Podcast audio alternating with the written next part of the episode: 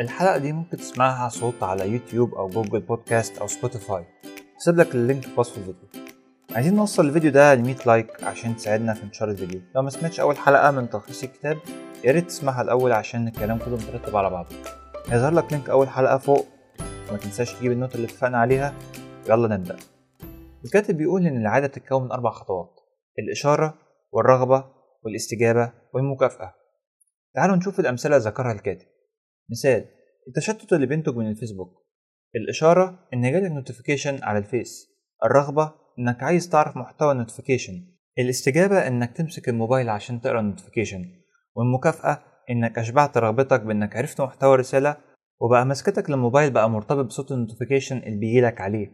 مثال تاني وأنت بتعدي على مخبز وأنت عامل رجيم الإشارة إنك تشم ريحة المخبوزات دي وأنت معدي على المخبز الرغبة إنك عاوز تشتري كيكة وتاكلها الاستجابة إنك تشتري كيكة وتاكلها. المكافأة بقى إنك أشبعت رغبتك في إنك تاكل كيكة وبقى شرائك للكيكة دوت وإنك تاكلها مرتبط بإنك تعدي من جنب المخبز. يعني كل ما تعدي من جنب المخبز هتروح تشتري كيكة وتاكلها. خد بالك أنت لو اتخلصت من أول خطوة وهي الإشارة مش هتبدأ العادة أصلا. ومن غير أول ثلاث خطوات مش هيبقى عندك سبب لحدوث السلوك نفسه.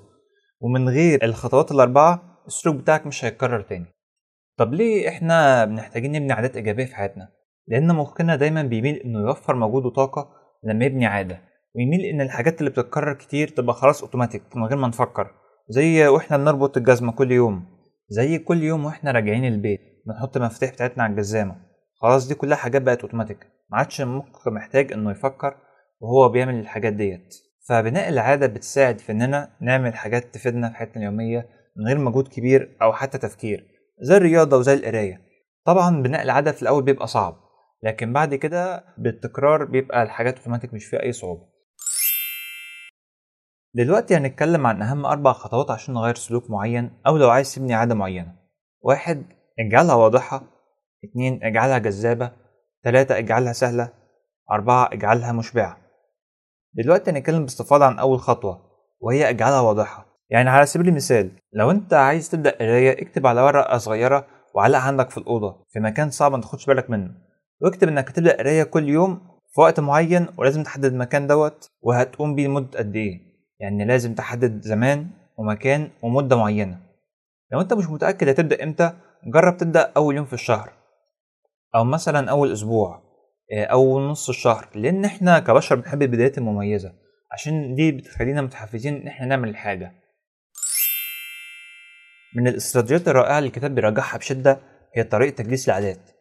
إنك تربط عادة قديمة أنت أصلا بتعملها وحاببها بعادة جديدة أنت عايز تبنيها. ودي بتزود من احتمالية التزامك بالعادات دي. والشركات الكبيرة زي أمازون وغيرهم بيستعملوا الطريقة دي وأنت بتشتري حاجات من الإنترنت.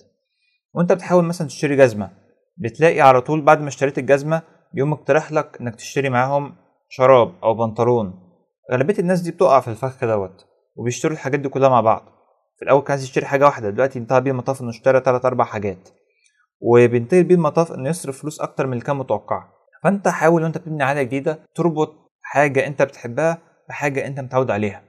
مثلا الناس اللي تتعود إن هي تاخد دش مية ساقعة ممكن يربطها بعادة الرياضة اللي هو عايز يبنيها. مثلا الناس اللي عايزة تتعود على المذاكرة ممكن يربط المذاكرة بعادة سماع الأغاني اللي هو أصلا متعود عليها. أو قراءة كتاب بشرب القهوة وهكذا. عايزين بقى نتكلم عن البيئة وتأثيرها على بناء العادات. في مستشفى بوسطن العام بأمريكا كانوا العمال بيفتحوا تلاجة كتير وبيخلصوا على معظم المشروبات الغازية على عكس المياه المعدنية اللي ما كانش حد بيستهلكها. أحد المتخصصين في علم النفس كان عايز يساعد في تحسين عادات الأكل والشرب عند الموظفين. فأيقن إن المشروبات الغازية طول ما هي قدامهم هيقعدوا يستعملوها بكميات كبيرة وبدون تفكير هل هي مضرة ليهم ولا لأ. فقرر إنه يغير أماكن المياه المعدنية ويخليها في المقدمة ويعكس مكان مشروبات غازية ويخليها في الخلف. في خلال 3 شهور مبيعات المشروبات الغازية قل بنسبة 11% مش كده وبس كمان مبيعات المياه المعدنية زادت بنسبة 26% وده كان مؤشر ممتاز. القصة دي بتأكد لنا أهمية البيئة في بناء عادات الشخص سواء العادات دي إيجابية أو سلبية وهي اللي بتشكل السلوك الإنساني. فأنت لو عايز البيئة تخدمك لصالحك ممكن تعمل الآتي. لو أنت عايز تتعود على القراية حط الكتاب بتاعك على السرير بحيث يكون من الصعب إنك تتجاهله. لو أنت عايز تتدرب على الجيتار حطه عندك على باب الأوضة.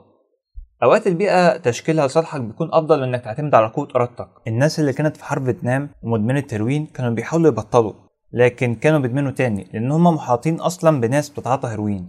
فالبيئة اللي حواليهم كانت محبطة جدا لكن لما رجعوا أرض الوطن ما كانش حواليهم حد بيتعاطى هيروين. فكان 90% من المدمنين كانوا بيبطلوا لأن البيئة اللي حواليهم كانت بتساعدهم. قوة الإرادة مهمة برضو بس بتكون أوقات ملهاش لازمة لو أنت البيئة اللي حواليك مش بتساعدك. فأنت ما تبقاش بتذاكر وحاطط التليفون في أوضتك ومشغل الإشعارات ومتوقع إنك مش هتتشتت. أو يبقى أصحابك كلهم مدخنين وأنت عايز تبطل سجاير بدون أي صعوبات. فالخلاصة هنا إن أول خطوة لبناء عادة إيجابية لو أنت عايز تبني عادة معينة لازم تكون واضحة. مثلا لو أنت تقرأ كتاب لازم تحطه على السرير أو المكتب عندك في مكان صعب إنك تتجاهله. والعكس لو أنت لو عايز تتخلص من عادة سلبية فأنت محتاج تخليها خفية. زي مثلا التخلص من إدمان ال social media. لو أنت قفلت ال notifications اللي في إعدادات الموبايل هتلاحظ إنك ما عادش بتضيع وقت كتير عليه. ممكن الحاجات دي تبان تافهة بس بتفرق جدا. يعني تعرف إن في دراسة في 2016 بتقول إن الناس المدمنين ال social media بيفتحوا الموبايل من 50 ل 80 مرة في اليوم وانهم بمجرد ما قفلوا الاشعارات لاحظوا انهم وفروا اضعاف أضعاف الوقت اللي كانوا بيضيعوه. فمش مهم الكلام ده بيبان بسيط بالنسبة لك أو بديهي مش مهم انت عارفه ولا لأ المهم إنك بتكون بتنفذه. وبكده نكون خلصنا أول قانون لبناء عادة إيجابية وهي إننا نخلي العادة واضحة. وقلنا الطرق بتاعتها زي إزاي تحدد المكان والزمان والمدة اللي أنت هتعمل فيها العادة وطريقة ربط العادة القديمة بالعادة الجديدة وقلنا إزاي نخلي البيئة تخدمنا عشان نبني عادات إيجابية. ندخل على القانون التاني وهو اجعل العادة جذابة. هل سألت نفسك قبل كده ليه برينجلز هي أحسن حاجة في الشيبسي؟ أو ليه بيبسي هي رقم واحد في المشروبات الغازية؟ أو حتى بيتزا هات ليه هي ال top في البيتزا؟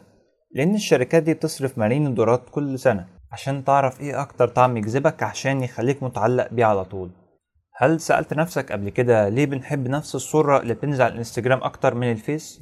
أو ليه ناس كتيرة دخلت فيلم ما يعرفوش عنه أي حاجة بس عشان ال trailer بتاعه كان جذاب بعد نهاية الفصل ده هتعرف إزاي تخلي العادات الإيجابية اللي انت تبنيها جذابة.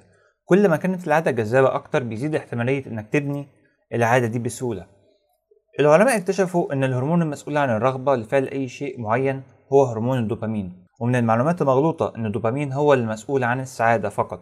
لكن الحقيقة إن الهرمون الأساسي المسؤول عن السعادة هو السيروتونين. العلماء عملوا ثلاث تجارب على الفئران التجربة الأولانية جربوا يحطوا قدام الفئران محلول سكري. وكان الطبيعي إنها تبقى عندها رغبة إنها تشربه وهتبقى مستمتعة بيه وهي بتشربه. التجربة التانية جربوا يحقنوا نفس الفئران بمواد بتمنع أفراز الدوبامين. وما كانتش عايزة تشرب المحلول السكري اللي محطوط قدامها. لكن لما حطوا المحلول السكري بق الفئران كانت مستمتعة بالسكر برضه. بس الموضوع كله إنها ما كانتش عندها رغبة إنها تروح تشربه. التجربة الثالثه إنهم حقنوا الفئران بهرمون الدوبامين نفسه ولقوا إن الفئران راحت جري على السكر وكانت بتجري بسرعة كبيرة. في العصر الحديث اكتشفوا إن الهرمون ده طلع المسؤول كمان عن حاجات تانية زي التحفيز والتعلم والذاكرة والعقاب وغيره. وكمان اكتشفوا إن الهرمون ده مش بس بيفرز لما بتحس بالمتعة لا كمان لو أنت متوقع إن في متعة هتجيلك كعائد. يعني على سبيل المثال المدمن جسمه بيفرز الدوبامين لما بيشوف الهيروين مش لما بيتعاطاه. برضو اللي بيلعب قمار جسمه بيفرز دوبامين لما بيحط الرهان نفسه مش لما بيكسب الرهان. مثال تاني انت لو بتقعد كتير على الفيسبوك أو الانستجرام جسمك بيفرز دوبامين لما تقعد تقلب في ال feeds مش لما تشوف post يعجبك. وكل ما بيزيد الدوبامين في جسمك بيزيد تحفيزك إنك تكمل الحاجة اللي انت بدأت فيها. عشان كده اللي بيفتح الفيس وفاكر إنه هيقفل بعد دقايق هيكتشف إنه بيضحك على نفسه كل مرة وبيقعد أكتر من اللي كان متوقعه. هل ده معناه إن الجسم ما كانش بيفرز دوبامين بعد تعاطي الهيروين أو كسب الرهان أو بعد رؤية post عجبك؟ لأ بيفرز برضه. لكن بنسبة أقل من المرة الأولانية. يعني هرمون الدوبامين بيفرز في جسمك مرتين. المرة الأولانية لما تتوقع إنك هتحصل على متعة وبيفرز مرة تانية بعد ما تحصل على المتعة كمكافأة ولكن بيفرز بنسبة أقل. أحد الطلبة بيحكي قصته في الكتاب إنه فهم إمتى وليه الجسم بيفرز الدوبامين فقرر إنه يستخدم المعلومات دي لصالحه ويبدأ يخس باستراتيجية معينة اسمها تجميع المغريات إنك بتجمع ما بين شيء أنت بتحبه وشيء أنت عايز تعمله. فكان الطالب ده بيتخلص من الوزن الزايد بتاعه عن طريق مسلسلات نتفليكس عن طريق الخطوات التالية. واحد كان بيبقى عنده الرغبة في إنه يتفرج على مسلسل. اتنين جسمه كان بيفرز الدوبامين. تلاتة يلعب رياضة. أربعة يكافئ نفسه إنه يتفرج على حلقة من المسلسل اللي كان عايز يتفرج عليه. برضو القناة الأمريكية المشهورة ABC في سنة 2015 جابت أكتر ثلاث مسلسلات أمريكية عائلية ورا بعض وعملوا إعلان بيروج إن كل يوم خميس هيجي مسلسلات Grey's Anatomy How to Get Away with Murder و Scandal التلاتة كانوا ورا بعض. فأنت جمع عيلتك واعمل فشارك ومشروبك المفضل وتابع المسلسل. فهنا جمع ما بين حاجة أنت بتحبها وهي المسلسلات بحاجة أنت عايزها وهي الراحة وإنك تقعد مع أسرتك وإنك تعمل مشروبك المفضل وتاكل أكلك المفضل. فأنت ممكن تستخدم الطريقة دي في إنك تلعب رياضة. أو تذاكر أو تقرأ وتربطها بحاجات أنت بتحبها زي الدش الساقع بعد الرياضة أو سماع فيلم بعد مذاكرة يوم كامل. أي حاجة على هذا النمط. برضو من الأفكار المهمة اللي في الكتاب إن سلوكنا معتمد على الطريقة اللي إحنا بنفسر بيها الحوادث اللي بتقع علينا. ممكن شخصين يبصوا لنفس السيجارة بس واحد يحس بالرغبة إنه يدخنها لكن التاني ينفر منها. الكاتب مرة سأل راجل كان مشلول وقاعد على كرسي متحرك إيه إحساسه؟ اندهش جدا لما الراجل جاوبه إنه لولا الكرسي ده كان هيفضل على سريره طول اليوم وما كانش هيعرف يخرج من بيته. الراجل هنا قرر يفسر الحادثة اللي حصلت له بمنظور إيجابي. مثال رائع برضه في الكتاب إن الموظف اللي مديره بينتقده كتير. الموظف بيقول لنفسه إن دي فرصة عشان يحسن من نفسه. بدل ما يفسرها بمنظور سلبي بصلها من منظور إيجابي. أو حتى اللي بيعمل برزنتيشن ومتوتر. بدل ما يقول أنا متوتر بيقول أنا متحمس. هنا بيعيد صياغة العبارة فبدل ما يفسرها بمنظور سلبي برضه بيفسرها نحو إيجابي. حتى الحديث الشريف اللي بيقول تفاءلوا بالخير تجدوه. فأنت دايما خليك إيجابي لو أنت عايز تبني عادات إيجابية.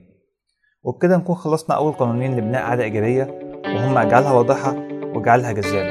والمرة الجاية إن شاء الله هنتكلم عن القانون الثالث والرابع. ولو عجبتك الحلقة متنساش تعمل لايك واشتراك في القناة لأنه فعلا بيساعد. يلا سلام.